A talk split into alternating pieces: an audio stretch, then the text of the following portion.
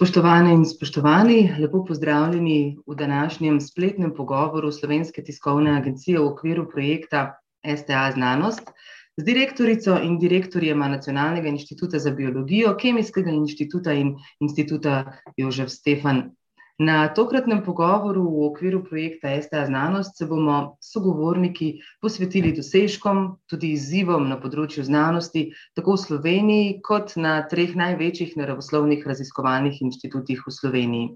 O tem, kaj je posebej izstopalo v preteklem letu, kje so težave, kakšni so pogledi naprej, se bomo pogovarjali z današnjimi sogovorniki. Zelo lepo jih pozdravljam. Z nami so profesor dr. Maja Ravnikar, direktorica Nacionalnega inštituta za biologijo. Lep dober dan želim. Dober dan. Profesor dr. Gregor Anderluh, direktor Kemijskega inštituta. Pozdravljeni. Dober dan. In pa profesor dr. Boštjan Zalar, direktor inštituta Jožef Stefan. Tudi vam Do. dober dan. Dober dan. Najprej se bomo, spoštovani, posvetili znanosti kot vedi, bom rekla, da širša javnost pridobi zaupanje v znanosti je zelo dolg proces.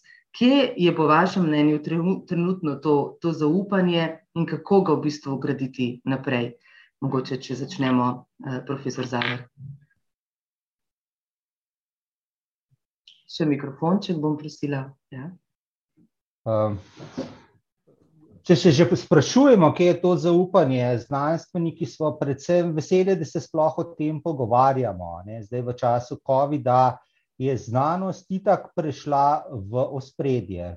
Prej se o njej sploh ni toliko veliko govorilo. Tako da o vsake stvari, ki je pa uh, zanimiva, ki, je, ki, pač, uh, ki se dogaja v danem momentu, ki se umešča v družbo v danem momentu, se pač uh, enkrat govori več, drugič manj. In o znanosti smo zelo veseli, da se v zadnjih časih toliko, toliko veliko govori.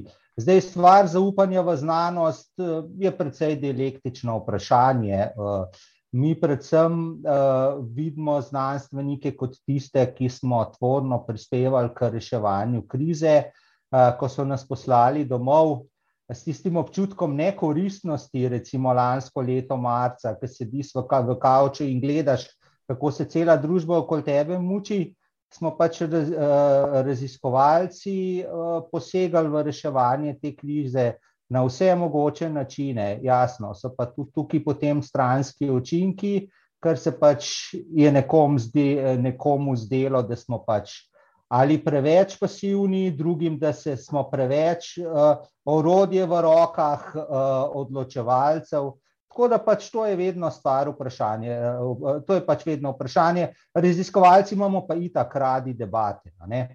Je pa pri nas razlika, ne pač to zaupanje v znanost. O tem se sprašujejo predvsem razni prepričanci in prepričevalci po teh družbenih medijih. Znanstveniki pač ne delujemo tako. Znanstveniki delujemo na podlagi dejstev.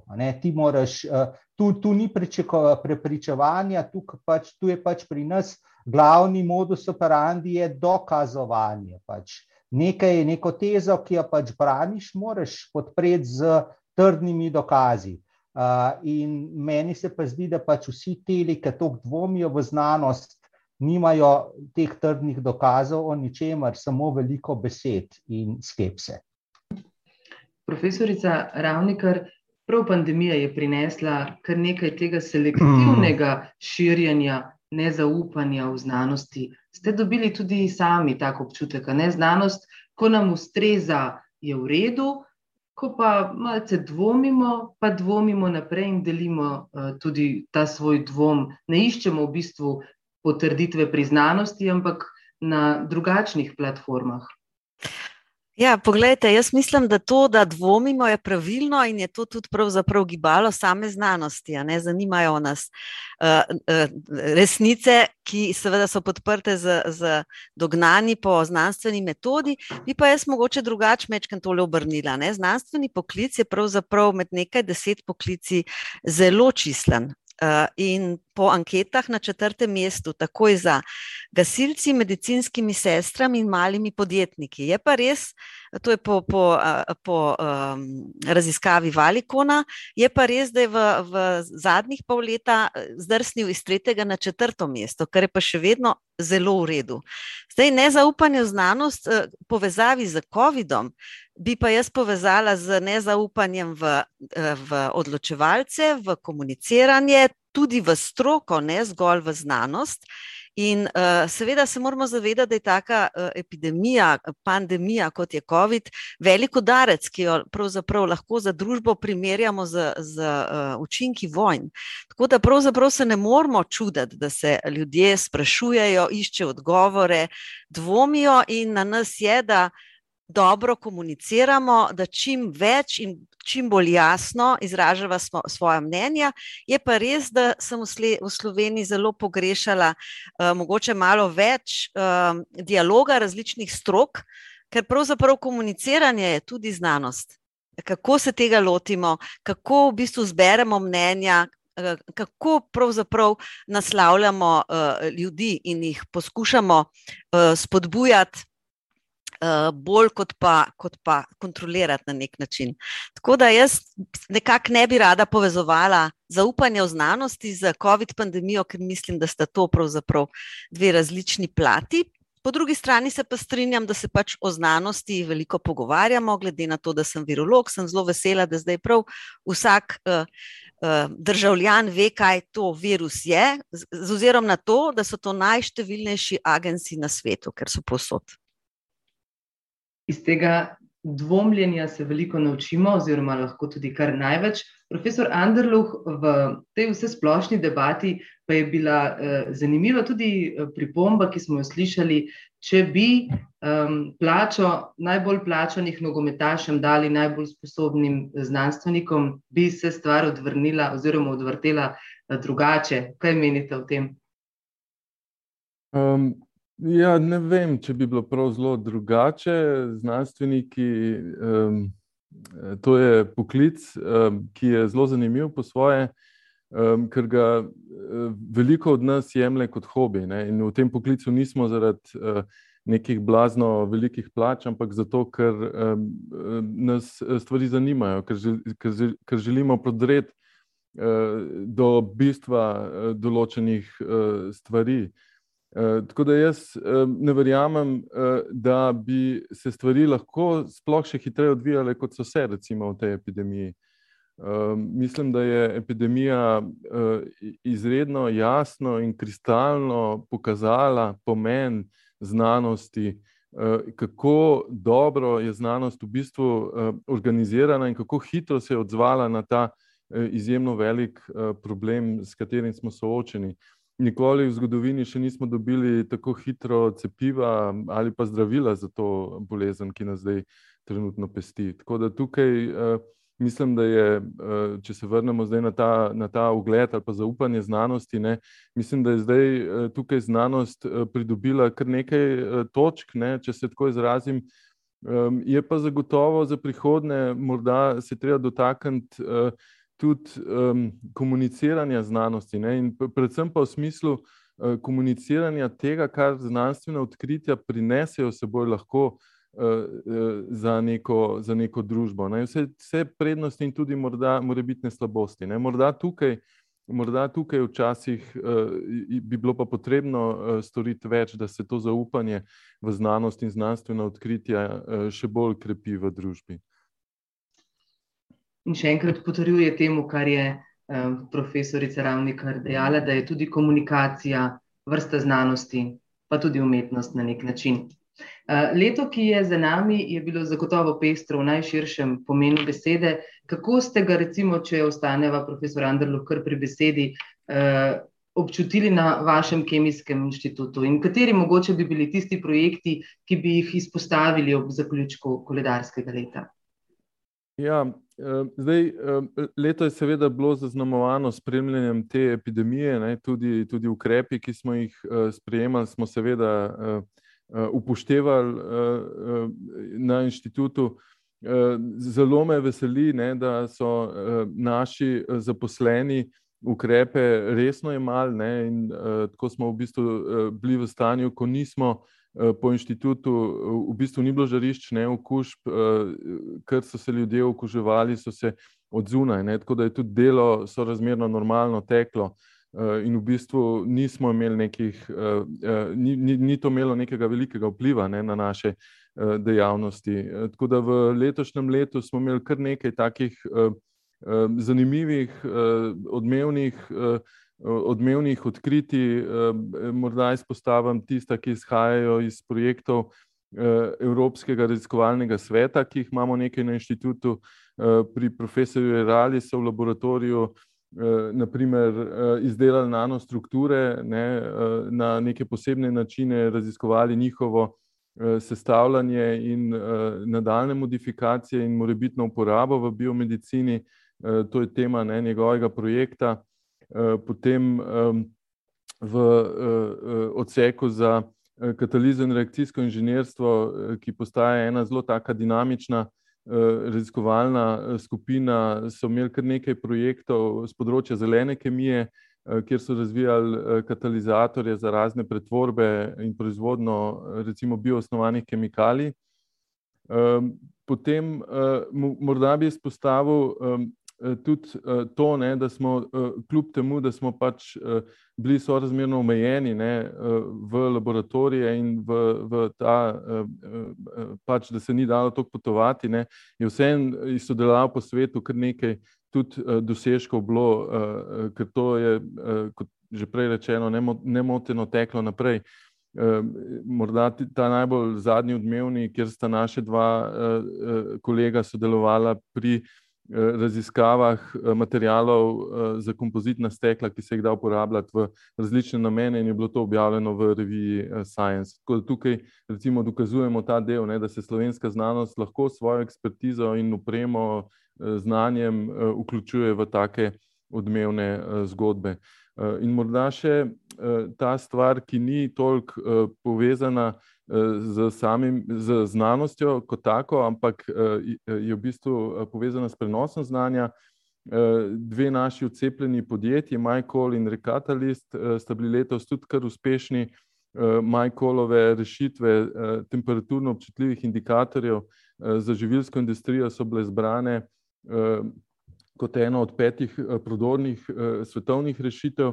Recatalyst pa je bil recimo finalist Falling Walls platforme, globalne platforme za zagonska podjetja, ne, in s tem nekako se tudi na ta način dobro umeščamo, no, ne, ne samo v slovenskem prostoru, ampak tudi izven s stvarjo, ki bo zelo pomembna, po mojem, tudi v prihodnje v slovenskem prostoru. Hvala lepa. Profesorica Ravnikar, zagotovo ste imeli več vprašanj na vašem Nacionalnem inštitutu za biologijo v preteklem letu in ste se tudi s temi vprašanji ukvarjali. Kateri pa so še projekti, ki ste jih peljali in na katere ste najbolj ponosni za preteklo leto? Ja, moram povedati, da pravzaprav od začetka pandemije inštituta nismo zaprli in smo ves čas raziskovali in tudi iskali rešitve za samo sledenje epidemiologije. Tako smo pač opravili en velik razvojni projekt za iskanje in določanje SARS-CoV-dva količine in različic v odpadni vodi, pa tudi razvili metode za, za sledenje prehoda bakterij in virusov preko obraznih mask s podjetjem Lotrič. Potem smo prav tako ustanovili, pomagali pri ustanovitvi novega podjetja, visokotehnološkega podjetja Nibalabs, ki se ukvarja z razvojem in karakterizacijo virusov, ki se uporabljajo za gensko zdravljenje. To, na to smo zelo ponosni, ker pač podjetje pa prej inštitut sodeluje in inštitut še vedno sodeluje z najprodornejšimi biotehnološkimi podjetji po svetu na tem področju, seveda tudi v Sloveniji. Vsi poznamo primer Bioseparations, ki je bila prodana podjetju Sartorius, še vedno deluje na tem področju. Zanimivi so bili tudi razvoji 3D celičnih modelov, ki jih uporabljamo, to so, to so na podlagi, na podlagi jetrnih celic, ki jih uporabljamo kot strupenostne teste in te modeli zelo dobro lahko nadomeščajo tudi poskusne živali. Zanimive so bile raziskave medicinske konople za za razvoj uh, rakavih celic, naprimer, um, pa seveda tudi uh, druge metode, ki so v bistvu uh, recimo raziskave plastike v, v tekočih vodah. No, tukaj smo bili tudi. Um, Smo sodelovali v enem uh, projektu Trilaterale Slovenije, Portugalske in Nemčije v uh, um, znanosti za, za uh, občane, eh, kar Citizen Science prevajamo eh, v Sloveniji, eh, kjer smo pravzaprav z velikim številom dijakov spremljali pojav plastike in drugih onesnaževal v slovenskih rekah. To je bil tudi en tak vzorčen projekt za predsedovanje Slovenije in je zdaj izpostavljen v naslednjem obdobju kot eden od projektov, ki se bo peljal na nivoju celotne Evrope naprej. Eh, morda bi še eh, izpostavila začetek gradnje biotehnološkega eh, stičišča. To je pač največja investicija v znanosti v zadnjih letih, nažalost, ker je investiranja v znanost Eh, definitivno premalo eh, bilo v zadnjih letih, to je bilo zelo zapostavljeno eh, področje. No, tukaj smo pa uspeli, tako da s pomočjo evropskih sredstev in delno tudi slovenskih sredstev smo v juliju pričeli z gradno 7000 kvadratov velikega reskovalnega objekta, ki bo seveda v prihodnosti krojil usodo na področjih znanosti o življenju v Sloveniji in širše.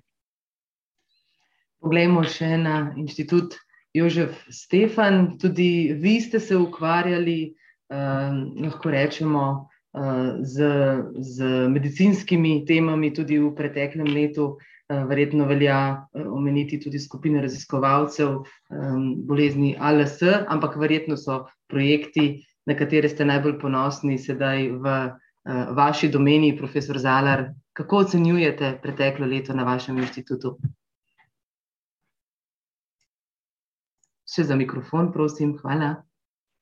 Eh, glede na vse splošno situacijo, vsekakor lahko ocenjujem leto kot uspešno. Kljub temu, da smo delali po večini od doma, eh, bilo, pa so bili rezultati kar pozdravni.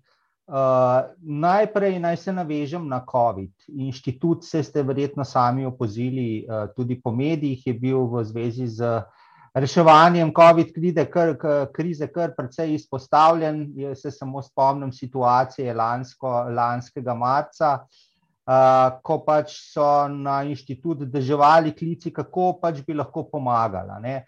Ugotovili se je, da smo bili kot država na take krizne situacije popolnoma nepripravljeni. Naši raziskovalci so se kar tvorno vključili.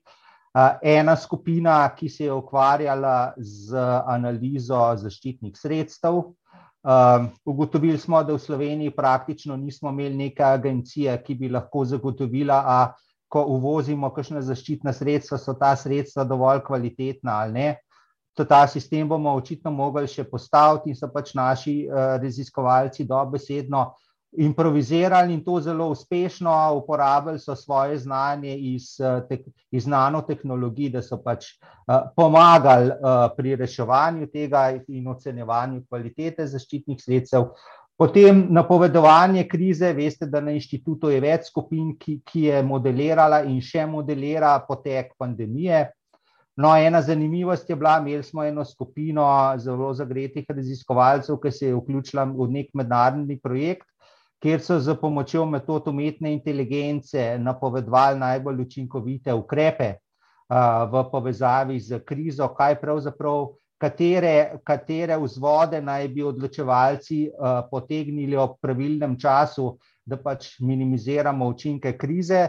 In pač ti naši raziskovalci so tam so si delili v resnici prvo nagrado, uh, drugo mesto so zasedli, ampak nagrado so si delili, tako da pač uh, to je bilo pač za nas malce nenavadno, ni pasalo v tisti uh, ustaljeni okvir delovanja, ampak smo veseli, da pač nas tudi mednarodna skupnost prepozna.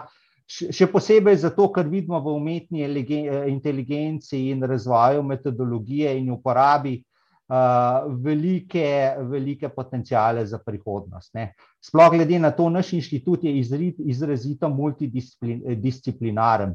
Tukaj imamo odseke, ki se ukvarjajo z fiziko, kemijo, okoljskimi znanostmi, elektroniko, informacijsko-komunikacijskimi tehnologijami. In uh, razvoj uh, te, teh tehnologij zdaj omogoča v zadnjih letih res delovati interdisciplinarno, povezati različna področja. Zdaj, kar se uspehov tiče, bi najprej vzpostavil enega, pa skupina naših raziskovalcev pod vodstvom profesorja Dušana Turka, ki je sodelovala v enem mednarodnem konzorciju, kjer so imeli tudi objavo v reviji Science. Uh, gre za to, uh, zdaj pač uh, viruse, veste, lahko samo blažimo učinke posledic, ker za viruse učinkovita zdravila za stadi, ko ti že oboliš, uh, v resnici ne obstoja. Ne? Pač, ampak uh, še vedno pa iz, obstajajo ideje in so že tudi konkretni rezultati na tem področju. No, in res, naši raziskovalci so pač identificirali iz baze mnogih uh, tisočev in tisočev sestavin, take, ki bi bile lahko uporabne za izdelavo potencijalnih zdravil. Se v zadnjem času vsi v medijih uh, čitamo precej, da pač ni samo cepljenje, ki je preventiva, ampak tudi zdravljenje že obolelih, uh, kar zmeraj bolj obetajoče.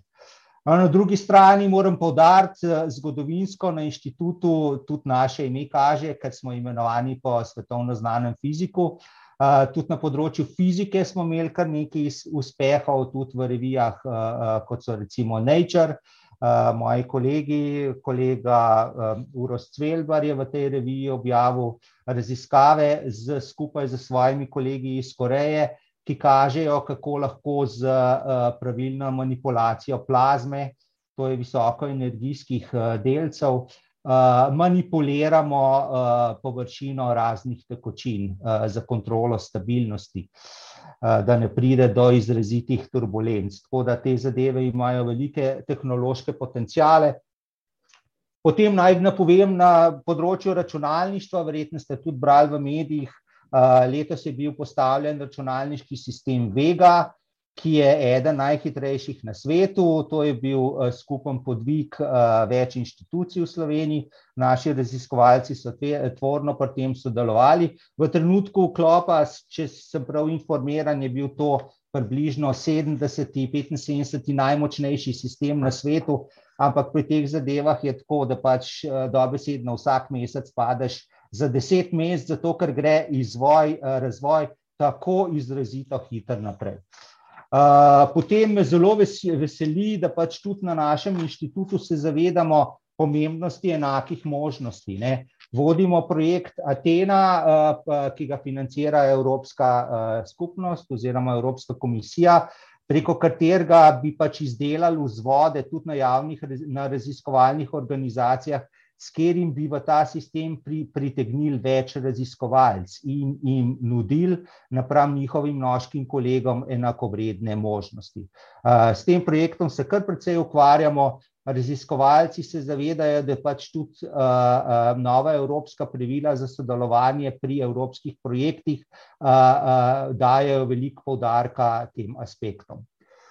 Eh, no, uh, potem ena zanimivost je, verjetno ste to uh, že kaj slišali, da smo v Planici skupaj z Evropsko vesoljsko agencijo smo odprli laboratorij, kjer imamo tako imenovano človeško centrifugo, v kateri lahko raziskujemo obnašanje človeškega organizma v pogojih nenormalne gravitacije ali povišane ali ponižane gravitacije.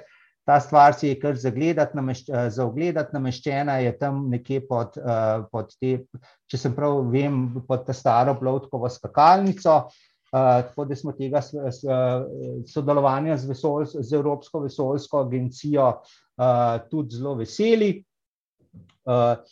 Smo zelo aktivni tudi na področju prenosa tehnologij. Uh, Eh, na inštitutu imamo tudi eh, organiziramo letne konference o prenosu znanja in tudi veliko naših sodelavcev je bilo nagrajeno, njihove inovacije so bile razpoznane kot ene najpomembnejših. Na koncu naj pa vsekakor povem, da veliko naše energije je bilo usmerjene tudi v prepričevanje, prepričevanje Slovencev, naj se cepimo. Ne. Smo pač pobudniki in podporniki te akcije, nalezimo se dobrih navad oziroma akcije Cepimo se, se tukaj smo dali eno pobudo vsi direktorji JRZ-jev in rektorji univerz, tako da ni nikoli dovolj, da naj tukaj na tem mestu še enkrat pozovem vse Slovence, naj se cepijo. No, na koncu pa seveda poudarjam tudi, kar sta moja cenjena kolega zraven, da imamo izredno dobro sodelovanje z obema inštitucijama in upam, da bo tako še naprej, veselim se skupnih projektov, zelo tvorno in učinkovito smo sodelovali tudi pri pripravi nove zakonodaje, saj o tem bo verjetno govora še v nadaljevanju. Tako je, in prav o povezovanju bomo spregovorili sedaj, kajti v luči trenutnih in prihodnjih izzivov moramo v Evropi promovirati in podpirati inovativnost, ta nam bo pomagala pri prehodu v digitalno vključujočo in zeleno družbo, je recimo oktobra ob obisku Slovenije dejala evropska komisarka za inovacije in raziskave Marija Gabriel. Enega ključnih izzivov vidi prav v povezovanju deležnikov na evropski ravni. Povezovanja se bomo tako dotaknili, profesor Zalar ga je že izpostavil kot primer dobre prakse z v sodelovanju s Kemijskim in Nacionalnim inštitutom za biologijo. Zdaj pa vprašanje, kako se z drugimi inštituti še povezujete v Sloveniji, kako se povezuje znanost z gospodarstvom v Sloveniji, raziskave in gospodarstvo, kakšno je to sodelovanje in kje so možnosti za izboljšave. Taka široka tematika, ki jo odpiramo že več let, pa me zanima, kako vidite razvoj na tem področju. Mogoče profesorica Ravnikar za začetek. Ja, na splošno se mi zdi, da, da Slovenci nismo kakšni prvaki v povezovanju, sploh pa nam ni všeč, če nekdo izstopa. Um, res pa je, da se mi zdi, da se uh, stvari pa vseeno popravljajo. Zdaj, če mogoče kar ostanem pri pove, po, povezovanju raziskovalnih inštitutov um, pod vodstvom uh, kolega Andrluha, mislim, da to teče izjemno dobro, da zelo veliko komuniciramo med seboj, izmenjujemo dobre prakse, pa tudi naslavljamo uh, različna ministrstva, zlasti pristojno ministrstvo z različnimi pobudami in prav tako, ne, kot je bilo tudi rečeno, veliko sodelovanja sodelovanja pri nastanku novega zakona. Zdaj, glede sodelovanja z različnimi drugimi ministrstvi, pristojnimi za hrano, obrambo, zdravje in tako naprej, smo seveda tudi zelo aktivni in, in moje mnenje je, da je pač naloga znanosti, da svoje znanstvene izsledke in ekspertize, ki jih pridobi ob tem, pomaga, z njimi pomaga pri razvoju družbe in seveda sodeluje tudi pri, pri delu drugih ministrstev. No, prepričana sem, da, da vsi inštituti, ki so tukaj prisotni, to počnejo, ne, pri, pri nas. Uh, z vsemi ministrstvi, ki sem naštela, tudi z ministrstvom za gospodarstvo. In um, recimo, če, če povem, ekspertiza, mi smo pravzaprav, poleg tega, da se ukvarjamo z biološkimi znanostmi in sorodnimi znanostmi, uh, smo tudi meroslovni inštitut. In sicer um, orjemo ledino, pa ne samo v Sloveniji, tudi, tudi v svetu, na področju natančnega štetja nukleinskih kislin, to se pravi DNA, RNA, molekul, ki določajo vse živo, ne, kjer je pravzaprav vsa informacija dobro napisana. In to je izjemno pomembno pri različnih gospodarskih dejavnostih. Ne, naprimer, sodelujemo in, in seveda drugih, zdravstvenih, naprimer, ne, sodelujemo pri uh, analizah um, uh, referenčnih materialov, uh, virusov, ki se uporabljajo potem v diagnostiki na človeku, pa pač tudi na, na drugih um, uh, matriksih, uh, potem naprimer pri razvoju uh, diagnostike za gensko spremenjene organizme v rastlinah, v hrani. Uh, Pač tudi mik, gensko, uh, gensko spremenjene mikroorganizme, To so taka področja, ki so v bistvu uh, zelo zanimiva za same raziskave, ampak se zelo hitro najdejo potem tudi pot v gospodarstvo ali pa v družbeno, družbeno uporabo. In tako smo recimo tudi z velikim poznavanjem uh, virusov, njihove epidemiologije in natančnega uh, določanja količine uh, in drugih karakteristik, skratka, uh, opisovanje uh, virusov, prišli do te aplikacije, uh, ki pravzaprav pomeni en tak velik razvoj, kako sledimo virusom, ki se uporabljajo za gensko zdravljenje ne, na različnih metodah, z različnimi metodami, od elektronske mikroskopije do molekularne biologije. Poznamo metode, ki nam zdaj omogočajo, da v enem vzorcu določimo vse organizme, ki so bili v stiku, naprimer v odpadni vodi, poleg SARS-CoV-2 lahko določimo noroviruse, rotaviruse, ne samo, da jih lahko določimo, dejansko lahko sledimo epidemiologiji, tudi nove uh, mikroorganizme, ki se tam pojavljajo. Tako da pravzaprav uh, jaz vidim znanost kot en velik preplet novih dognanj z njeno uporabo.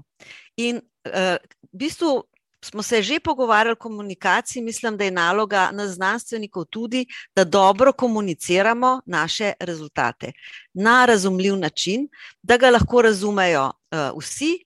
Ker znanost se tako hitro razvija, da se celo znanstveniki različnih disciplin med seboj zelo težko razumemo. Kaj šele to pomeni potem za gospodarstvenike, recimo za politike. Um, temu bo treba v prihodnosti zagotovo nameniti več, uh, več pozornosti, in želimo si, da bi se znanstvena dognanja, in ne le slovenska, tudi svetovna, več odražala tudi v naših uh, medijih, v vsakdanjem, bom rekla, vsakdanjem poročanju. Kaj ti, če je novica zanimiva, zagotovo pritegne ne, najširše občinstvo, če je pa ne razumemo, pa težko. Uh, profesor Anderluh, kje mogoče v svetu vidite um, primere dobrih praks povezovanja gospodarstva in znanosti, ali pa znanosti in družbe v celoti, ki bi jim veljalo slediti, in kakšne primere poznate, recimo v Sloveniji? Ja, to um, navezava. Um, Navezava različnih deležnikov ne, v nek učinkovit sistem je zelo velik izziv, ki ni lasten samo naši državi, ampak se z njimi Eh, z njim soočajo tudi eh, te eh, največje države, supersile na področju znanosti. Ravno v začetku decembra je bil v reviji Nature objavljen poziv dveh bivših direktorjev Nacionalnega inštituta za zdravje, ki sta predlagala drugačno ureditev recimo področja znanosti in tehnologij v okviru ameriške administracije. Um, kako to povezati uh, v evropskem prostoru, kako to povezati v slovenskem prostoru, je zelo velik izziv. In uh, omenila ste uh, komisarko, ne, ki, ki je na to upozorila. O tem uh, je bilo kar nekaj razprav, in uh, dobro je videti, da nekako uh, uh, po Evropi ne, uh, različne države uh, imajo pa so razmerno uh, poravnane poglede na to tematiko. Izpostavil bi uh, dogodek New Era, eh, ki se je odvijal eh, konec oktobra na Brdu, ki ga je organiziralo naše Ministrstvo za izobraževanje, znanost in šport, ki je bil največji dogodek znanstveni v okviru slovenskega predsedovanja kjer je bilo izpostavljeno ravno to, da moramo biti zelo pozorni eh, na to, koliko vlagamo ne, v, v, v te namene. Že spet so bili izpostavljeni ti 3% bruto družbenega proizvoda ne, v, v, v posameznih državah in da bi to radi dosegli že v nekem eh, desetletnem recimo, obdobju. Eh, kar pa seveda pomeni, da to niso samo vlaganja iz nacionalnih proračunov, ne, ampak da tudi privatni sektor mora tukaj uh, znatno prispevati. Ne. In tukaj imamo že spet po Evropi razno razne uh, uh, načine, kako je to urejeno, kjer je visoko razvita odnos do tehnologije, do inoviranja, do prenašanja znanja. Tam tudi podjetja nekako so bolj dovzetna za to. Ne. Podjetja tudi vlagajo v raziskovalne skupine, na univerzah ali pa inštitutih. En, en tak primer je recimo Anglija, kjer je ogromno farmacevtske industrije, ki ima svoje raziskovalne skupine po, po angliških uh, univerzah. Um, smo, uh, zdaj, če se vrnem nazaj na slovenski primer, ne, Pri nas je tukaj cela vrsta izzivov. Ne. Mi smo še, še, še, še danes vlagamo iz nacionalnega proračuna pod povprečjem ne, držav Evropske unije. To naj bi nova zakonodaja zdaj delno rešila, ne, ampak to ni vse. Ne. To, tudi, se pravi, če bomo zdaj zakonodajo, ta znanstveno-raziskovalni del rešili, še vedno je potem ta prenos ne, na više tehnološke ravni razvitosti potreben in tukaj mu pa zagotovo namenjamo premalo področja. Ne. Ta, te, te deli so premalo dobro organizirani in jaz mislim, da bo tukaj en od zelo velikih izzivov ne, v, v, v prihodnje, kako to ustrezno nasloviti. Da bo več povezovanja akademske sfere z gospodarstvom, da bo gospodarstvo čutilo, da morajo za to, da bodo imeli neke inovativne izdelke, visokotehnološke rešitve, da bodo potrebovali visoko izobražen kader in sodelovanje z akademskimi inštitucijami. Država bi pa morala seveda poskrbeti za primerno ureditev tega področja.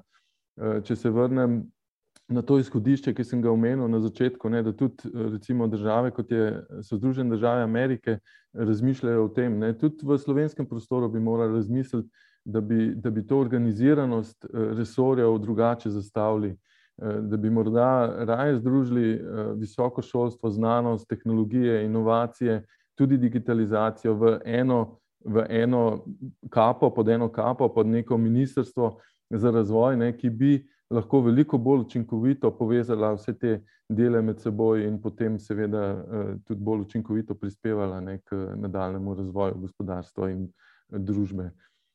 Tako da tukaj, tukaj jaz mislim, da imamo še res ogromno izzivov, no, da bomo, da bomo postali neka družba, ki bo imela ta sistem moderno urejen. Pa če se vrnem pa na koncu še na to izhodišče, ne, kako raziskovalne inštitucije sodelujemo, ne, med seboj v slovenskem prostoru, bi jaz tudi delil, no, to mnenje, ki ga je doktor Ravnikarjeva izrazila, da se v zadnjem času bolj sodeluje, ne samo med raziskovalnimi inštituti, med javnimi raziskovalnimi zavodi, ampak tudi z rektorsko konferenco, mislim, da smo zelo konstruktivne in stike navezali in tukaj vidimo oboji priložnost, ne, da s skupnim delom določene stvari speljemo in pripeljemo na višjo raven, ne. Več tega sodelovanja si oboji želimo in več mehanizmov za to sodelovanje si oboji želimo. Hvala lepa. Profesor Zalar, kje vi vidite te največje izzive boljšega povezovanja akademske sfere in pa gospodarstva. Kako približati gospodarstvu ta raziskovalni, znanstveni del, da bi videli več in večjo perspektivo v razvoju, recimo, in bili tudi pripravljeni vlagati v to? Ali so krivi recimo, ne vem, vidimo velike gospodarske družbe v Sloveniji, potem svoje male inštitute, a ne, organizirajo in in tam krepijo neki svoj kader. Je, je to težava, da mogoče potem naredi to neko bariero do, do, do vas? No, če naj omenim tudi velike slovenske gospodarske družbe v svetovnem merilu niso tako zelo velike, ne, to je ta problem. Zdaj, vlaganje v razvoj lastnih tehnologij si v svetu lahko privoščijo samo ta največje družbe. V Sloveniji vemo, saj je bilo to že izpostavljeno, največji problemi na tej pogosto uporabljani lestvici tehnološke razvitosti, ki ima devet nivojev, a ne. Naš inštitut recimo, da v osnovi deluje na najnižjih nivojih, nivo tri do šest, kjer je treba prenesti znanje, ki je bilo na novo generirano v raziskovalnih zavodih v gospodarstvo, na tej stopnji se zatakne. Je pa moj občutek predvsem v tem, v Sloveniji glede na našo relativno majhnost, ne, v dvomilijonski populaciji mi ne moramo pričakovati, da bomo uspešno podpirali in razvijali sto uh, različnih tehnologij. Jaz opažam v zadnjih desetih, dvajsetih letih tudi način, način razpisov, kako se razpisi za projekte uh, pripravljajo. Zadeve se, uh, zadeve se drobijo, včasih že na eni inštituciji, manjši laboratoriji tekmujejo med sabo, In pač ta pristop z drobljenjem projektov, ne, projekti, ki so veliki 100-200 tisoč evrov na leto, po moje, nas ne bojo pripeljali daleč. Projekti morajo biti pač reda velikosti milijon, dva ali več na leto. V projektih moraš ti povezovati znanje, ne same iz enega laboratorija, ampak različnih inštitucij. Tukaj vidim jaz uh, uh, velik manjko. Predvsem je ta manjko izrazit. Pri pomankanju sodelovanja med recimo ministrstvom, ki uh, podpira nas, to je Ministrstvo za izobraževanje, šolstvo in, spo, in šport, tem ministrstvom, ministrstvom za gospodarski razvoj uh, in turizem. Uh, tukaj vidimo še veliko, veliko odprtih možnosti. Ne? Vsi razpisi, ki so, grejo po različnih kanalih. Mi si želimo en dobro definiran uh, kanal. Agencije, ki pač podpirajo na eni strani samo znanost, na drugi strani samo gospodarstvo, nimajo preveč smisla, če ne podpirajo obojega hkrati z enim samim kanalom razpisov. Kanalom razpisov. To pač si mi želimo v prihodnosti. Zdaj, na samem na našem inštitutu, mi imamo sodelovanje z industrijo, kar nekaj, če sem po zadnjih številkah, imamo okoli eno petino do eno četrtino sredstev iz trga, Uh, recimo, tipičen primer dobrega eh, industrijskega partnerja pri nas je podjetje Kovzilep, ki je tudi zraslo iz raziskovalcev z našega inštituta. Kadrira se zelo veliko iz raziskovalci iz našega inštituta.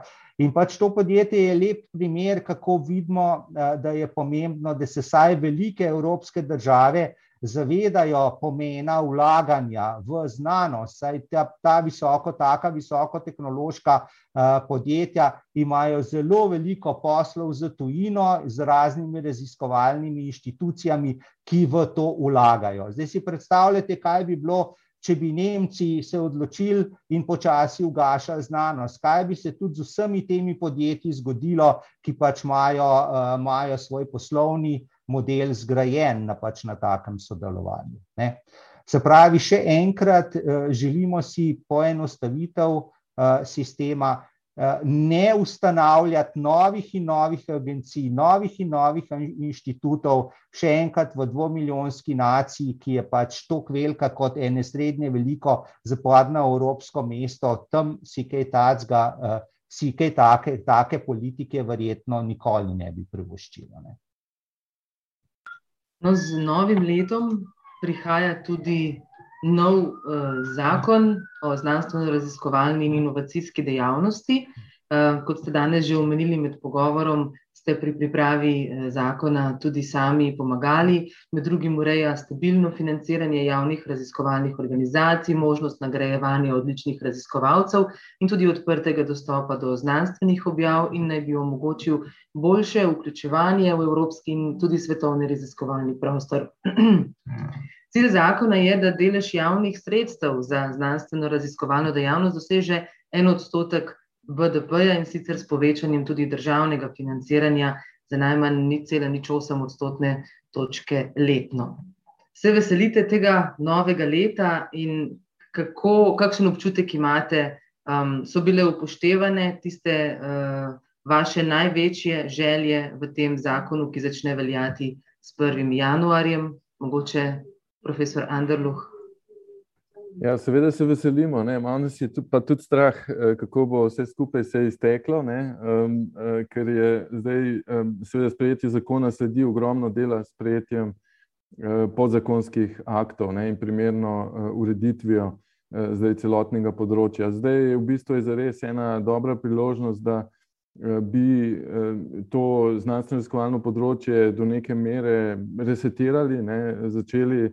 Eh, na nekih novih osnovah, ker eh, vse te novosti, ki jih zakon prinaša, bi zares lahko to eh, nekako omogočile. Glavna prednost no, je zagotovo ta, da je zdaj zakonsko opredeljena ta obveznost države, koliko mora vlagati ne, v ta, na to področje, da je predvidena ta dinamika vlaganja.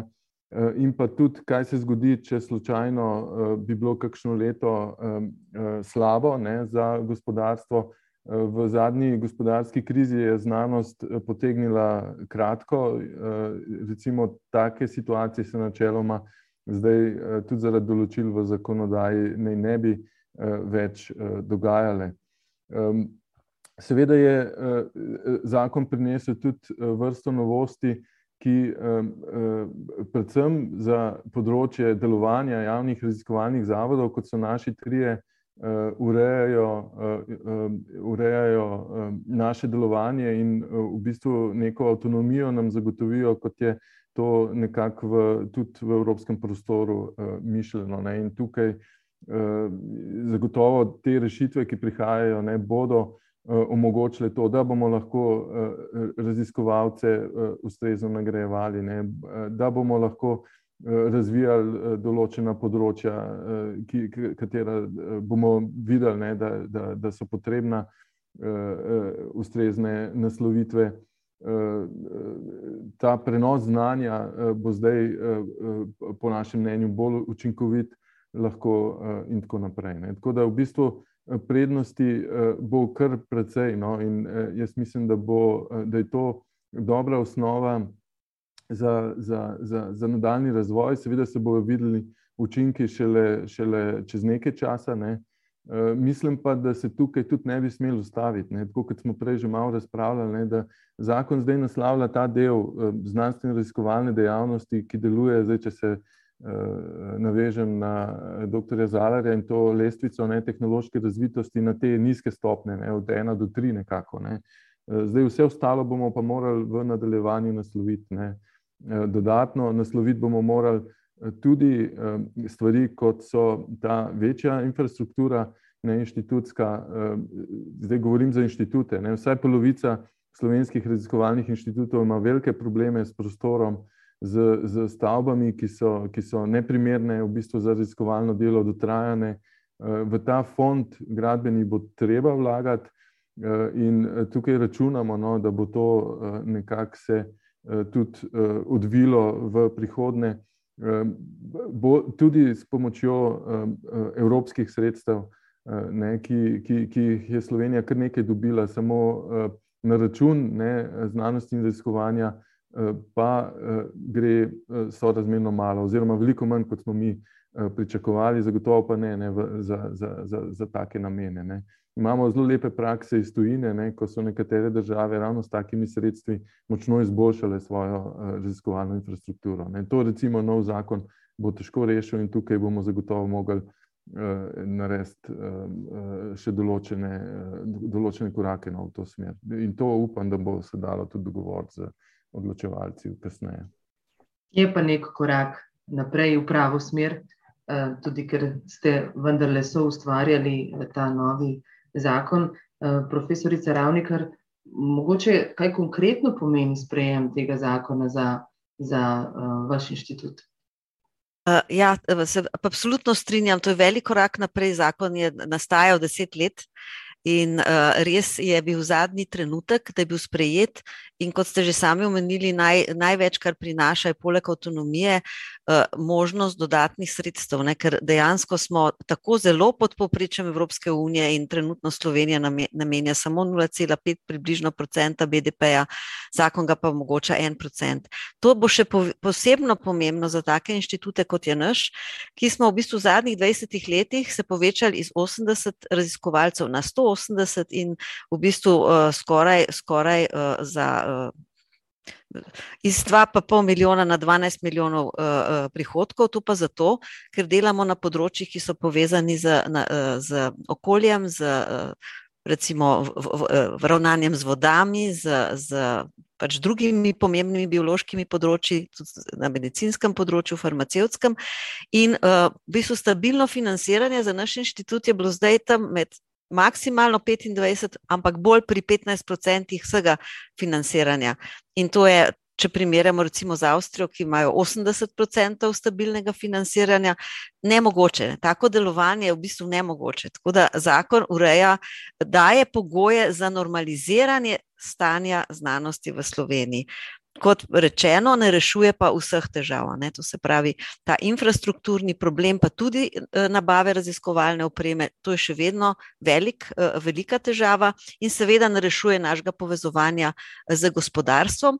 In na tem mestu bi morda samo še to omenila, ne, da prenos tehnologij ni edino, kar raziskovalci prenašamo. Ne? Prenašamo v bistvu tudi znanja, ker pravzaprav na, na naših znanjih temelji kontrola uh, najrazličnejših uh, um, pomembnih delov družbe, kot je recimo jedrska varnost, kot je varnost hrane, kot je uh, recimo pitna voda uh, in uh, podobne zadeve. Ne. To se pravi, nekaj je prenos tehnologij v podjetja, uh, v gospodarstvo, drugo je pa prenos tehnologij oziroma znanja za to, da družba normalno funkcionira in da si ohranjamo Eh, okolje, v katerem živimo. Ne? Ker vemo, da se nahajamo v največji krizi biodiverzitete ta trenutek, eh, v veliki eh, krizi zaradi podnebnih sprememb.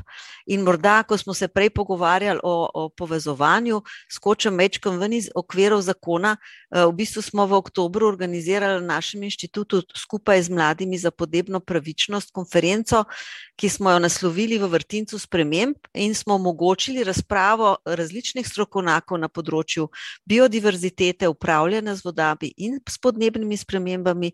In, uh, To konferenco je ali spremljalo, ali kasneje uh, bralo in se dotikalo okoli 20 tisoč ljudi iz cele Slovenije. Tako da uh, v resnici uh, se mi zdi ta zakon izjemno, izjemno pomemben, kot rečeno, ne rešuje pa vsega.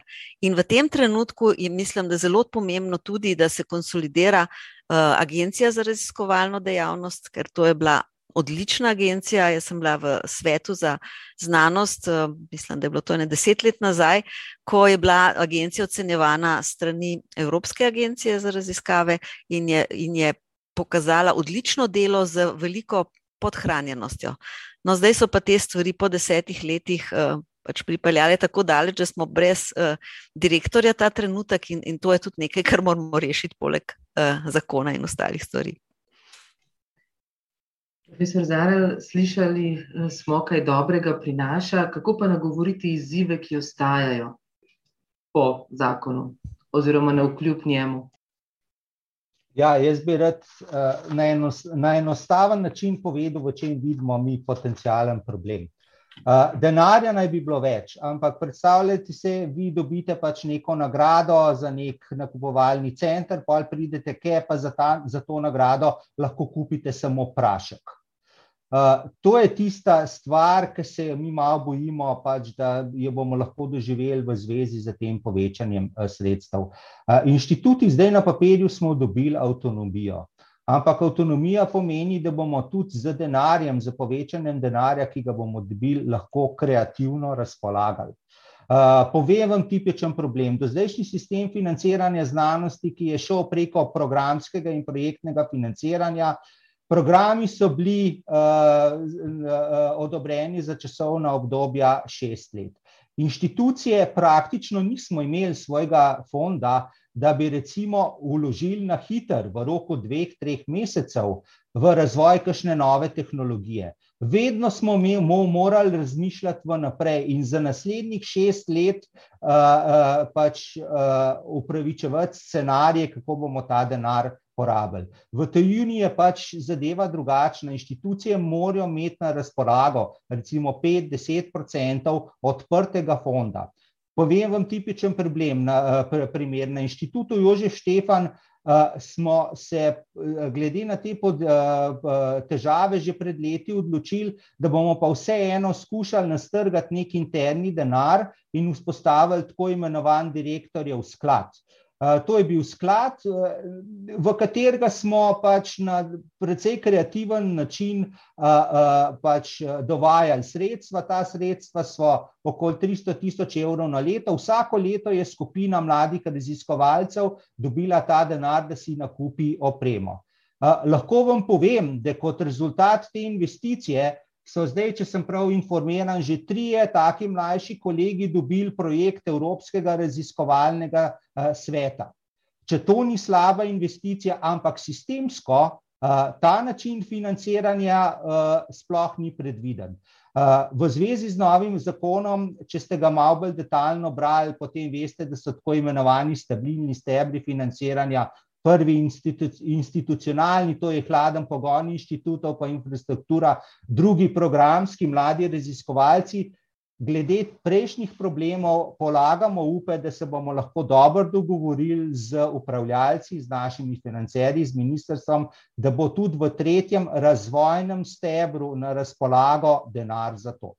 Še en slikovit problem, ne, marca lanska leta smo se vsi znašli v epidemiji, In uh, glede na to, da, so, da, so, da je pač uh, vlada, država, vsi želeli, da znanstveniki tvorno prispevamo k reševanju, se je enkrat poleti naredil razpis za dofinanciranje programov uh, z projekti, ki bi, uh, ki bi pomagali pri reševanju COVID situacije. V času največje krize delati razpise. Moram pohvaliti uradnike na ministrstvih, ta razpis so izredno hitro izpeljali. Ampak to je popolno nepotrebna zadeva. Če bi imeli inštituti svoje razvojne sklade, bi to lahko naredili sami in bi to začeli delati naslednji teden, ne pa čez dva ali pa tri mesece. No. Hvala. In zdaj še pogled v smelo prihodnost. Um, tokrat bom začela uh, z damo, ker je lepo, da v znanosti govorimo tudi uh, z damami in da se uh, pogovarjamo uh, z direktorico, lahko rečem, profesorica uh, Ravnikar. Uh, želje nacionalnega inštituta, delno ste jih v bistvu že um, obelodanili, kaj pa konkretno za prihodnje leto, kateri projekti mogoče se nadaljujejo z letošnjega, pa ostajajo za prihodnje leto, uh, leto, ki je pred nami. Delo se ne konča s koledarskim letom, uh, niti najmanj, se nadaljuje. Se, seveda, omenila sem naš najpomembnejši infrastrukturni projekt v tem trenutku, to je gradna biotehnološkega stičišča. Prva faza bo zaključena v septembru naslednje leto. Eh, takrat predvidevamo, da bomo preselili en del inštituta v, v nove laboratorije in nadaljevali z drugo fazo, ki se bo zaključila v letu 2023. To je gotovo za cel inštitut najpomembnejši projekt. Seveda se pa zavedamo, da bomo pri uh, snovanju um, to se pravi aktov inštituta, eh, ki bojo nekako podpirali novo zakonodajo, ne, ko bojo pač pripravljeni si podzakonski akti, eh, imeli tudi veliko dela. Tako da uh, se bomo ukvarjali, seveda, tudi z lastno vizijo, z tem, kako želimo, da se stvari uh, odvijajo. In tukaj, seveda, uh, pričakujem zelo veliko sodelovanja, tako od kolegov iz drugih inštitutov, kakor tudi uh, z rektorsko konferenco oziroma z rektori, ker, kot je bilo že omenjeno, na tem področju res zelo veliko delamo. V letošnje leto je bilo v znamenju predsedovanja Slovenije, v znamenju vode. Ne, to je pravzaprav nek medij, s katerim uh, ogromno delamo tudi na našem inštitutu. Tako da uh, bomo krepili raziskave na področju okolja, biodiverzitete, uh, ravnanja z vodami, ohranjanja uh, voda, uh, pa tudi za revitalizacijo, čeprav uh, smo mnenja, da je seveda ohranjanje mnogo bolj poceni tudi za družbo, kot pa potem revitalizacija uničenih okolij. Nadaljevali bomo s področjem sistemske biologije, kjer pravzaprav um, ustvarjamo globalno znanje za razumevanje tako človeka, bolezni, kakor tudi, kakor tudi bolezni rastlin. Uh, in to so metode, ki so pomembne za pametno kmetijstvo.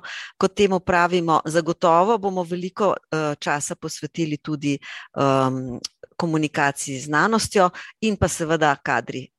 Delo s kadri, kar je seveda najpomembnejše profesor Zalar, če se vi veselite v novem letu? Ja, no, uh, moram reči, da ta zakon je bil že kar, kar uh, obilen božiček uh, za vse nas, uh, ki se ukvarjamo z tem področjem. Uh, ampak zdaj veselje je konec. Nažalost je tako, ne? zdaj mi začnemo šele delati. Ko dobimo povečana sredstva, se za nas delo šele začne. Pač treba je upravičiti, zakaj pač uh, denar, ki ga pač družba v nas uloži. In to ni ravno lahka naloga. Uh, moram reči, da na inštitutu imamo veliko idej za prihodnost. Že prej sem omenil to, da uh, uh, vse, vse, vse povsod obstaja, uh, uh, uh, precejkrat navajen izraz umetne inteligence. Uh, to področje se v svetu zelo hitro razvija, pač mi vidimo njegovo koristnost, predvsem na področjih, s katerimi se mi ukvarjamo, z naravoslovjem in tehnologijo, ne toliko v ban bančništvu za različne blockchain tehnologije, ampak predvsem v področju naravoslovja. Uh, Inštitut se že dolgo časa pripravlja na en projekt gradnje, kot je že prej profesor Ravnikarjeva omenila njihovo gradno. Mi bi, mi bi lahko radi imeli tudi te sladke probleme, da se ukvarjamo s tem, dokdaj nam bojo kaj zgradili. No, upamo, da bomo to doživeli tudi pri, pri kvalitetnem pogajanju z ministrstvom, da bo del povečanja investicij v znanost namenilo tudi za obnovo stavbnega fonda. Imamo tudi čisto konkretne ideje, ki segajo na področje kvantnih tehnologij. Sem že prej omenil inštitut, zgodovinsko smo bili zelo močni v, v fiziki. Imamo ogromno strokovnjakov, ki se spoznajo na, na področje kvantnega To je, veste, to je pač tisti neob, neobledljiv svet zelo mehkih delcev. To so zelo kompleksni sistemi, neobledljivi, tudi ne popolnoma določeni, in imamo veliko znanj o tem, in to je področje raziskovanja, v katerega se mislimo v, pri nas na inštitutu v bodočih letih še bolj intenzivno usmeriti.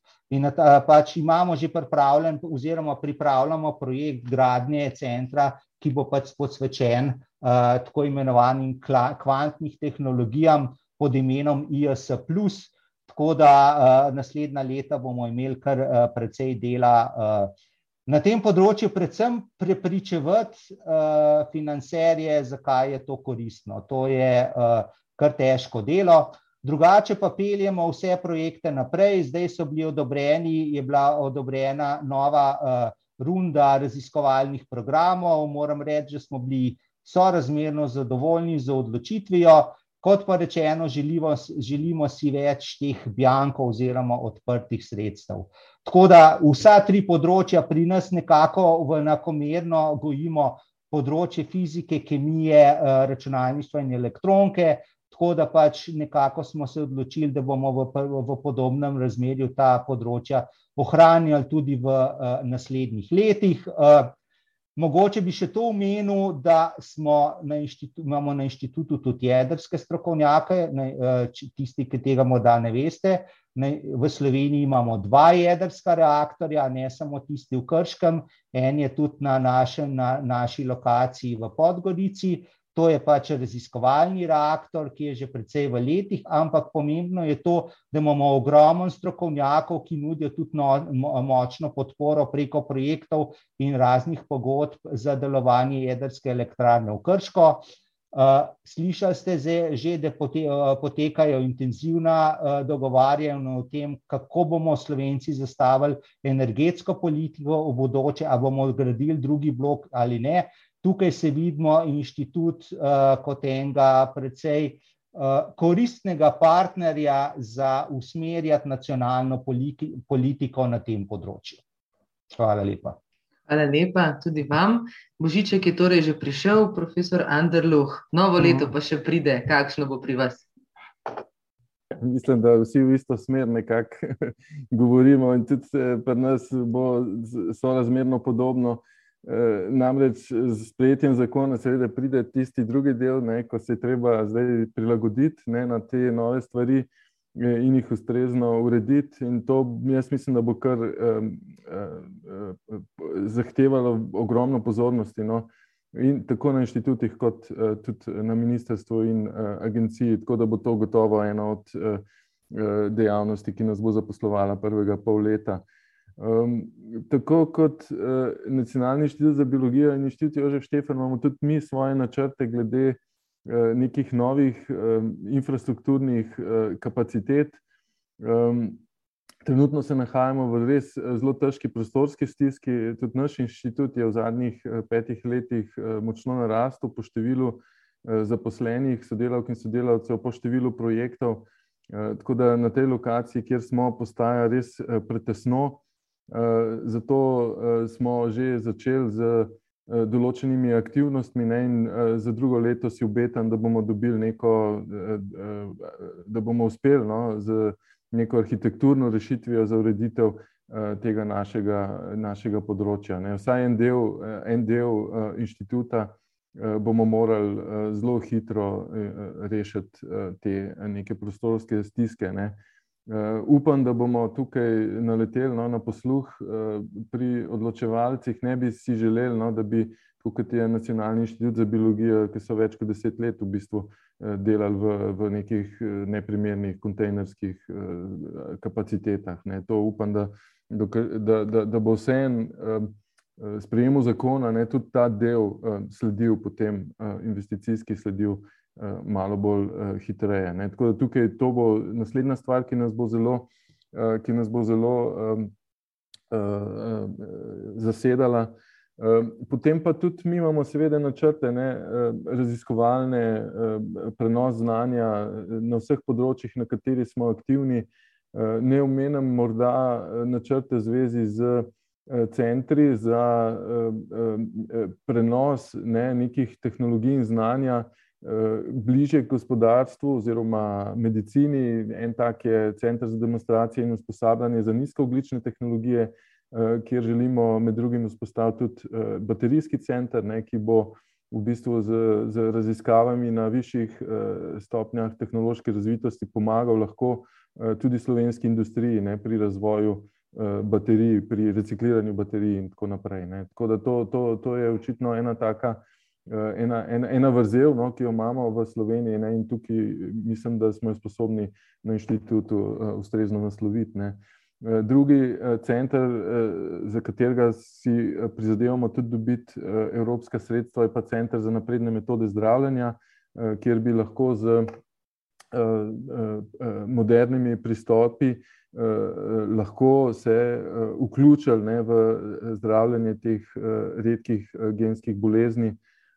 Mislim, da je tehnologija, ne, na področju DNA in RNA molekul tako napredovala, ne, da lahko tudi tovrstne projekte izpeljemo v enem takem sistemu, kot je slovenski, ne. In tukaj so naši raziskovalci ta projekt zelo ambiciozno zastavili in upamo, da bo, da bo tudi nekako se izšlo potem to na dolgi rok.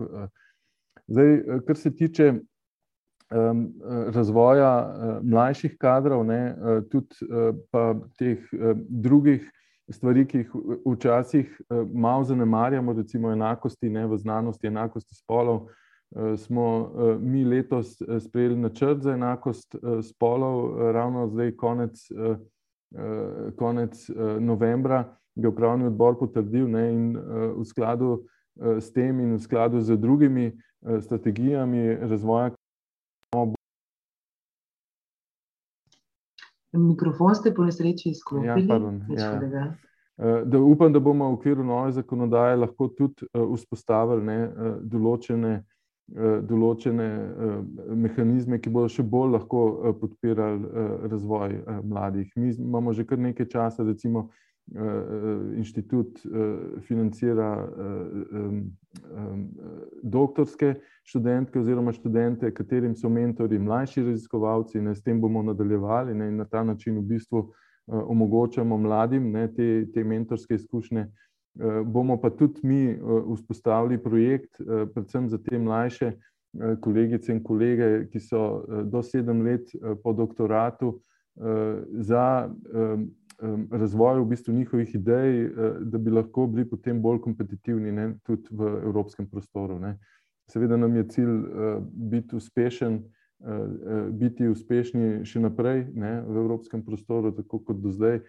Si tudi nadejamo, no, v prihodnjem letu, da bo kar nekaj teh evropskih projektov odobrenih, ne, in tukaj bomo zelo veseli, če bo, če bodo mlajši sodelavci uspešni na kakšni od teh prestižnih evropskih shem, ne. To pa spet potem zelo velik izziv tudi notranje se organizirati, kako zagotoviti potem možnosti, prostor, ne, za njihov nadaljnji razvoj neodvisnih karier.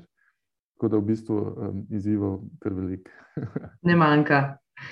Um, zagotovo želim vsem sladkih skrbi z uh, novim božičkom, torej z novim uh, zakonom, novo sprejetim, ki začne veljati s 1. januarjem. Še več sladkih skrbi vam želim, da bi imeli tudi ostali, kot jih ima profesor Ravnikarjeva uh, in sicer s tem, da se slišijo tam zunaj bagri. Mogoče pa v novem letu, kdo ve, bomo o tem govorili. Zagotovo pa nam uh, ni skrbi, za razvoj znanosti v Sloveniji. Eh, ob takem pogovoru, ob energiji, ki jo izžarevate, ko govorite o vašem delu, ali kot je profesor Andrluh rekel, eh, o vašem hobiju, ne, o znanosti, eh, se nam ni bati za pravo smer in svetlo pot znanosti tudi v Sloveniji, v smer dobrobiti naše družbe. Hvala lepa vam za ta današnji pogovor in zagotovo vse dobro na vseh vaših področjih življenja in uživajte še naprej v vašem hobiju, ki služi zagotovo vsem nam. Hvala lepa za pogovor. Hvala, Hvala za povabilo. Hvala za povabilo. Hvala. Hvala Nasvidenje. Nasvidenje. Nasvidenje.